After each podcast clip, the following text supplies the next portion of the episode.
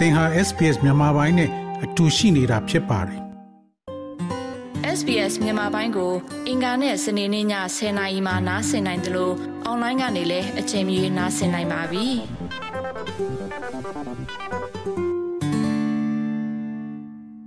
နှစ်စဉ်ဒီလိုအချိန်ဆိုဝင်းဝါမှဲ့နေတဲ့စပါးကင်တွေဟာဒီနှစ်မှာတော့ရေပြေအောက်နှိမ့်မြုပ်ပျက်စီးခဲ့ရပါပြီ။ အာနာမသိငင်ကစံစပါးဟာမြန်မာနိုင်ငံအတွက်ပြည်ရင်းပိုရှန်ထုတ်ကုန်ဖြစ်တဲ့အပြင်ပြည်ပပုတ်ကုန်ဖြစ်လဲကဘာမှာစံတင်ပို့မှုထိတ်ဆုံး10နိုင်ငံနဲ့ပါဝင်ခဲ့ပါတယ်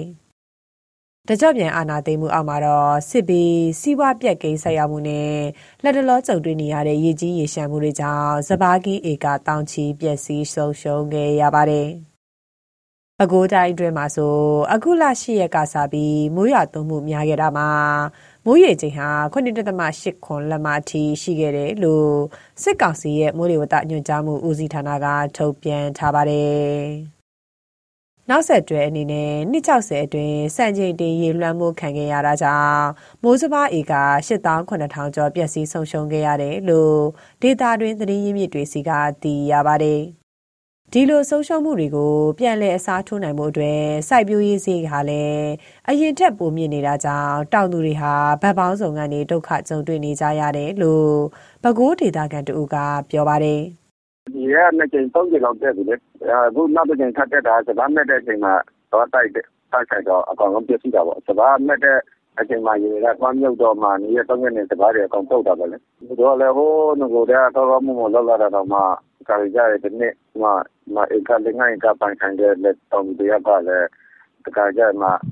မလောကကလေးပိုင်းနဲ့တွေ့တဲ့အခါကျတော့ဒီဘာရဲ့ကန်ကြီးချိန်မှာသူတို့ကထောက်တဲ့ပြထောက်တဲ့ဟိုပါပေါ့နော်အကျိုးများပေါ်မှာတည်းကြည့်ကြည့်လိုက်တဲ့အခါကျတော့ဝန်းကဝန်းကတတလေးပဲကျန်တာပေါ့ကျိုးများဆိုတာတိတ်ပြီးတော့ဒီလိုမျိုးမှရေသေးနဲ့စုံနေတဲ့အခါကျတော့သူတို့အဲသူတို့ကဲကဲတော့ပူကြီးသွားတာပေါ့ပြီးတော့လက်ရှိချိန်ကလည်းမတိုက်ပွဲတွေပါတယ်နဲ့လက်နေကြီးတွေပါတယ်နဲ့အဲ့လို ဒီမှာဒေသခံပြည်နယ်ဖက်ခဲတော့အဲ့လိုမျိုးတိတ်ကြုံတဲ့အခါကျတော့တချို့နေရာတွေမှာတော့စပါးတော့မမြုပ်ဘူးဗျာရိတ်ဖို့မှာကားလာနဲ့နေတဲ့နေရာတွေမှာတော့ရိတ်ဖို့မသွားတော့မသွားရတာခုမကြည့်ပါအဲ့လိုနေသားတွေကြုံတာလည်းရှိတယ်လေအောက်တိုဘာဒုတိယပတ်ကစပြီးရွာသွန်းခဲ့တဲ့မိုးသက်ထံမှုကြောင့်ပဲခူးတိုင်းပါဝင်ရန်ကုန်တိုင်းမန္တလေးတိုင်းအေရဝတီတိုင်းစကိုင်းတိုင်း နေပြည်တော်ရှမ်းပြည်နယ်နဲ့မွန်ပြည်နယ်တွေမှာရေကြီးရေရှမ်းမှုတွေဖြစ်ပေါ်ခဲ့ပါတယ်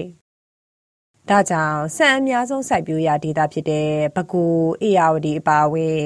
မြန်မာနိုင်ငံအောက်ပိုင်းဒေသကစပါးစိုက်ဧကတွေရေနစ်မြုပ်ခဲ့တယ်လို့ဒေသခံတွေဆီကသိရပါတယ်။ နိုင်ငံတွင်းမှာနှစ်စဉ်ရာသီအလိုက်မိုးစပါး၊နွေစပါးစိုက်ပျိုးတဲ့မြေဧက၁၈သန်းရှိပေမယ့်အာဏာသိမ်းပြီးနောက်ပိုင်းစိုက်ပျိုးထုတ်လုပ်တဲ့မြေဧကတွေဟာတဖြည်းဖြည်းလျော့နည်းလာတယ်လို့တောင်သူတွေကဆိုကြပါတယ်။အာဏာသိမ်းနောက်ဆက်တွဲကြောင့်ပြည်သူတွေဟာစစ်ပြေးရတဲ့အခြေအနေနဲ့အတူသဘာဝဘေးအန္တရာယ်ကိုပါတပါတည်းရင်ဆိုင်ခံစားကြရတဲ့အခါစပါးခင်းပျက်စီးဆုံးရှုံးမှုတွေအတွက်အဖက်ဆယ်လို့မရတဲ့အခြေအနေဖြစ်နေတယ်လို့ KNU တပ်မဟာလေးနယ်မြေမုံမြို့ဒေသခံတဦးကဆိုပါတယ်။တို့မိုးအစမတန်ရည်ကြီးရည်ချမှုဖြစ်တော့ကြောင့်ဒါအသီးအနှံတွေကိုအတန်ထားပြီးတော့လူသားလေးရင်အလို့ယုံနေရတဲ့အချိန်မျိုးမှာရောက်ရှိနေပေါ့နော်ပြည်သူလူထုတွေရဲ့အနေနဲ့ကျွန်တော်တို့ပြန်ကြည့်လိုက်တာကကြတော့ကျွန်တော်တို့အရန်ထဲမှာအခက်ခဲတာတွေကျွန်တော်တို့တွေ့နေရတယ်စပားတွေကရိတ်သိမ်းတဲ့အချိန်ဖြစ်နေရပေါ့နော်တချို့စပားတွေရိတ်ပြီးတော့အခုပဲတို့ဒီမပဲတို့ တချို့ပဲဒီစိမ်းတို့တင်းပဲတို့မြေပဲတို့ပေါ့နော်စိုက်ပျိုးနေတဲ့အချိန်လေးဖြစ်တယ်ပေါ့နော်အခုကကျွန်တော်တို့ကြည့်ရတာပေါ့နော်ပြည်သူလူထုတွေအနေနဲ့အရန်နဲ့ခက်ခဲတာတွေလည်းကျွန်တော်တို့တွေ့ရတယ်ပေါ့စစ်ချောင်ရင်စစ်ကလည်းရှောင်ရအခုတခါရေရလည်းထက်ကြီးပြန်ကျွန်တော်တို့ရထားတဲ့ စိုက်လို့ရထားတဲ့အသီးအနှံတွေကြောင့်လည်းအခုကတချို့ဆိုရင် ပြန်ရမယ်မရဘူးဆိုတာကဒါပြောလို့တော့မရဘူးပေါ့နော်ဒါဘယ်လိုတွေဖြစ်ကုန်မလဲတော့ပြောလို့တော့မရဘူးတချို့ဆိုရင်အရန်ထဲမှာစိတ်မကောင်းခြင်းအရာတွေတွေ့ရှိနေရပေါ့ဟုတ်ကဲ့ စဘာကင်းတွေ ပျက်စီးဆုံးရှုံးနေချိန်မှာပဲ တောင်သူလယ်သမား အခွင့်အရေး ကာကွယ်ရေးနဲ့ အကျိုးစီးပွားမြင့်တင်ရေးဥဆောင်အဖွဲ့က2023မိုးစဘာနဲ့2024နှွေစဘာတို့ကို အခြေခံစဘာရည်ညွှန်းဈေးနဲ့ ရောင်းချမယ်လို့ အခုလအတွင်းမှာပဲ ထုတ်ပြန်ခဲ့ပါတယ်။အဲ့ဒီကြီးညာချက်ထဲမှာတော့စဘာတင်းတရာရဲ့ အခြေခံစဘာရည်ညွှန်းဈေးကို ကျပ်9သိန်းခွဲလို့ သတ်မှတ်ထားတာပါ။ စားသုံးသူရေးရာဦးစီးဌာနရဲ့ထုတ်ပြန်ချက်မှာလည်း2022-23ခုနှစ်မှာမိုးစပါးဧက14တန်းကျော်ရည်သိမ်းခဲ့ပြီးတဧကကိုတင်း90ကျော်ထွက်ခဲ့တယ်လို့ထုတ်ပြန်ထားပါတယ်။ရခိုင်ပြည်နယ်အတွင်းမှာတော့တပြည်နယ်လုံးမုန်တိုင်းတန်တင်ခဲ့ရပြီးပြန်လည်ထူထောင်ရေးဝေဝါးနေစေကြမှာပဲစပားဆိုင်ပြူရေးဟာလည်းကုန်စည်နှုန်းမြင့်တက်မှုနဲ့အတူခေါင်းမထောင်နိုင်ဖြစ်ခဲ့ရပါပြီ။ လျှရစိုက်ပျိုးရေးမှာအသုံးပြုနေရတဲ့73စီစီကအာနာမသိန်းကြီး၄ကလန်တပုံးကိုကြက်တထောင်ကျော်သားကြပေမဲ့အခုဆိုကြက်9000အထက်မှာရှိနေတာပါကျပ်2000ဝန်းကျင်သာရှိတဲ့ဓာတ်မြေဩဇာတဲ့ဟာလည်းလက်ရှိမှာဆို10ဆလောက်ဈေးမြင့်တက်နေတာကတောင်သူတွေအတွက်ဇဘာပြန်ဆိုင်ဖို့စိန်ခေါ်မှုတွေဖြစ်ခဲ့ရပါတယ်တောင်သူတွေလက်ရှိကြုံတွေ့နေရတဲ့အခြေအနေနဲ့ပတ်သက်ပြီးရခိုင်ပြည်နယ်ကဦးမောင်ကျော်တန်းကမ အခါခက်ကတော့တအားကြုံတယ်ဘာဖြစ်လို့လဲဆိုတော့လေသမားတွေမှာကမျိုးစပါးကကြက်ကနေအခက်ခဲရတအားကြုံနေရတယ်လေသမားတွေမှာကမျိုးစပါးဆိုတာတခါကျဲဆိုတာပဲရှိတယ်လေအခုကနောက်ချလို့ကျဲရတဲ့မျိုးတွေကမျိုးမမှန်တော့ဘူးအဲ့လိုအခက်ခဲတွေရှိတယ်မျိုးစာတွေကတအားဈေးတက်တယ် ဘာဖူလို့မှုရှိမလဲကျွန်တော်ရခိုင်ပြည်မှာကတအားကိုအခက်ခဲကြုံနေရတယ်လေဆင်းရဲဒုက္ခတွေကလည်းပေါ်များနောက်တယောက်နဲ့တယောက်ကလည်းအဆင်မပြေအဲ့လိုနဲ့ပိုက်ဆံတွေလည်းအဆင်မပြေဖြစ်နေကြတယ်ဒါနဲ့လယ်သမားတွေက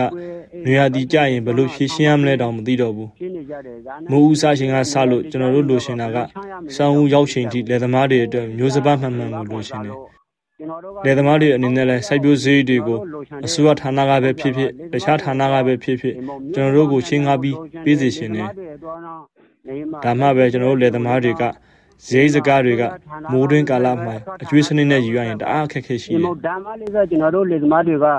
ဇရိုင်းမခါတွေကနေမှမိုးတွင်းကာလမှာနေမှာအကျွေးစနစ်နဲ့ယူရရင်ကတအားအခက်ခဲရှိတယ်လေ။ အခု2023-24ဘဏ္ဍာနှစ်မှာတော့စံတန်ချိန်2.5တန်းပို့ကုန်ဝင်ငွေအမေရိကန်ဒေါ်လာ3000ရရှိဖို့ရထားဆောင်ရွက်သွားမယ်လို့မြန်မာနိုင်ငံစံစပါအသင်းချုပ်ကပြီးခဲ့တဲ့လအတွင်းမှာထုတ်ပြန်ထားပါတယ်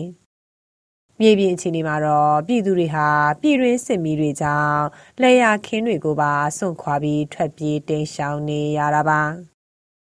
ရင်ပြည်နယ်တန်တောင်မြို့နယ်အတွင်းမှာလည်းစစ်ကောင်စီတပ်တွေကလက်နက်ကြီးတွေနဲ့ကြေးရွာတွေကိုပစ်ခတ်နေတာကြောင့်ဒေသခံ3000ကျော်ဟာသူတို့စိုက်ခင်းတွေစီမသွားနိုင်တော့ဘဲဘေးလွတ်ရာကိုတိမ်းရှောင်နေရပါတယ်။စကိုင်းတိုင်းမှာဆိုလေဒေသရဲ့စီးပွားရေး30ရာခိုင်နှုန်းကျော်ဟာ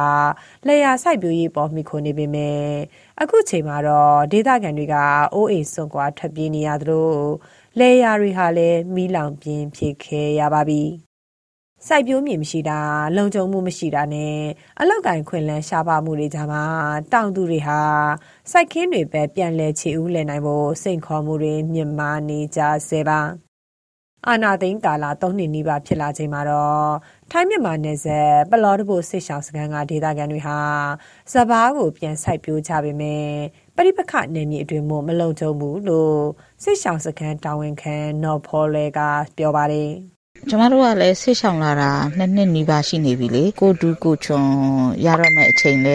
ရောက်နေပြီလေနော်ခုလောလောဆယ်ပြောင်းချိုးတဲ့ချိန်စပါးရိတ်တဲ့ချိန်ဆိုတော့လေသူတို့တွေကိုတော့ဟိုဘယ်လိုပြောမလဲသူတို့ရဲ့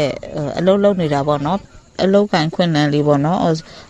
ဘယ်လိုပြောမလဲစပါးဆိုင်တဲ့လူကစိုက်တယ်အဲနောက်ပြီးတော့အပင်ဆိုင်တဲ့ဟိုဟင်းသီးရဲ့စိုက်တဲ့လူကလည်းစိုက်တယ်မွေးမြူရေးလုပ်တဲ့လူကလည်းလုပ်နေတယ်ပေါ့နော်အဲ့လိုမျိုးသူတို့ဘာသူတို့တပိုင်းတနိုင်လုပ်ငန်းလေးတွေတော့လည်းတချို့လူတွေကရှိတယ်တနတ်တန်တို့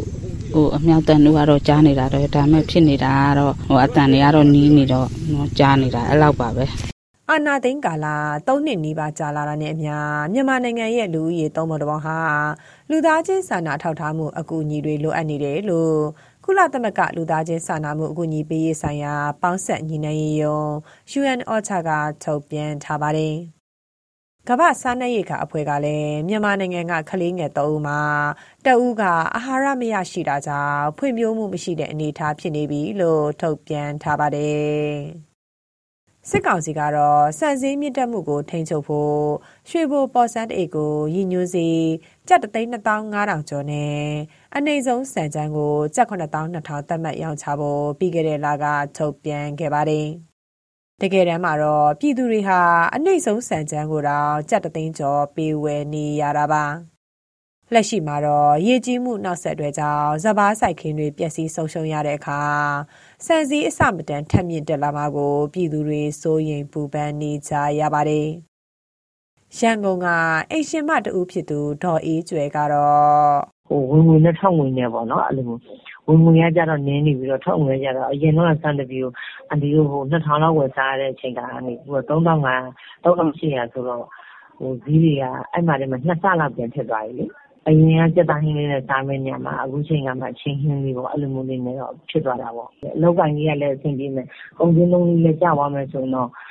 အကောင်လုံးတော့အားလုံးတော့အဆင်ပြေတာပေါ့ကုန်စည်နှုန်းကျဖို့ဆိုတာလည်းမျှော်လင့်လို့မရဘူးဆိုတော့ကဲကဲတွေကအမျိုးမျိုးဆိုင်တာအခုဆိုရေတွေတက်စကားတွေဆုံးရှုံးမှုတွေဆိုတာအနည်းနဲ့ကြုံတွေ့ရအောင်မလေအဲ့တော့ဘယ်လိုဖြစ်လာအောင်လဲကိုယ်လည်းစိတ်တွေလည်းမောတာပေါ့ရှေ့ဖြစ်လာမယ့်ဟာ အတတ်နိုင်ဆုံးအကောင်းဆုံးဖြစ်အောင်ရုန်းကန်ပြီးတော့နေရတာပေါ့လူတယောက်ရဲ့စားသုံးတဲ့နှုန်းမှာတစ်နှစ်ကိုပြန်မြအဆက်နဲ့အိတ်ကုန်ကြပါတယ်56တန်းသောပြည်သူတွေအတွက်တော့တစ်နှစ်ကိုစံအိတ်တန်းတရားဝင်ခြင်းလိုအပ်နေတာပါလက်ရှိအာဏာသိမ်းအခင်းချင်းနဲ့သဘာဝဘေးအန္တရာယ်တွေကြားစဘာဆိုင်ခင်းပျက်စီးဆုံးရှုံးမှုတွေနဲ့စံစည်းတက်မှုတွေကြောင့်ပြည်သူတွေဟာဝမ်းရည်အတွက်စိုးရိမ်ပူပန်နေကြရဆဲပါ ဒီသတင်းဆောင်မကိုတန်လွင်ခက်ကပေးပို့ထားတာဖြစ်ပါတယ် SBS မြန်မာပိုင်းကို အင်ကာနဲ့စနေနေ့ည10:00နာရီမှနားဆင်နိုင်ပါတယ်။နားဆင်နိုင်တဲ့နည်းလမ်းအများကြီးရှိပါတယ်။ Radio Digital TV Online ဒါမှမဟုတ် SBS Radio App ကနေတဆင့်နားဆင်နိုင်ပါတယ်။ SBS မြန်မာပိုင်းအစီအစဉ်ဖြစ်ပါတယ်ရှင်။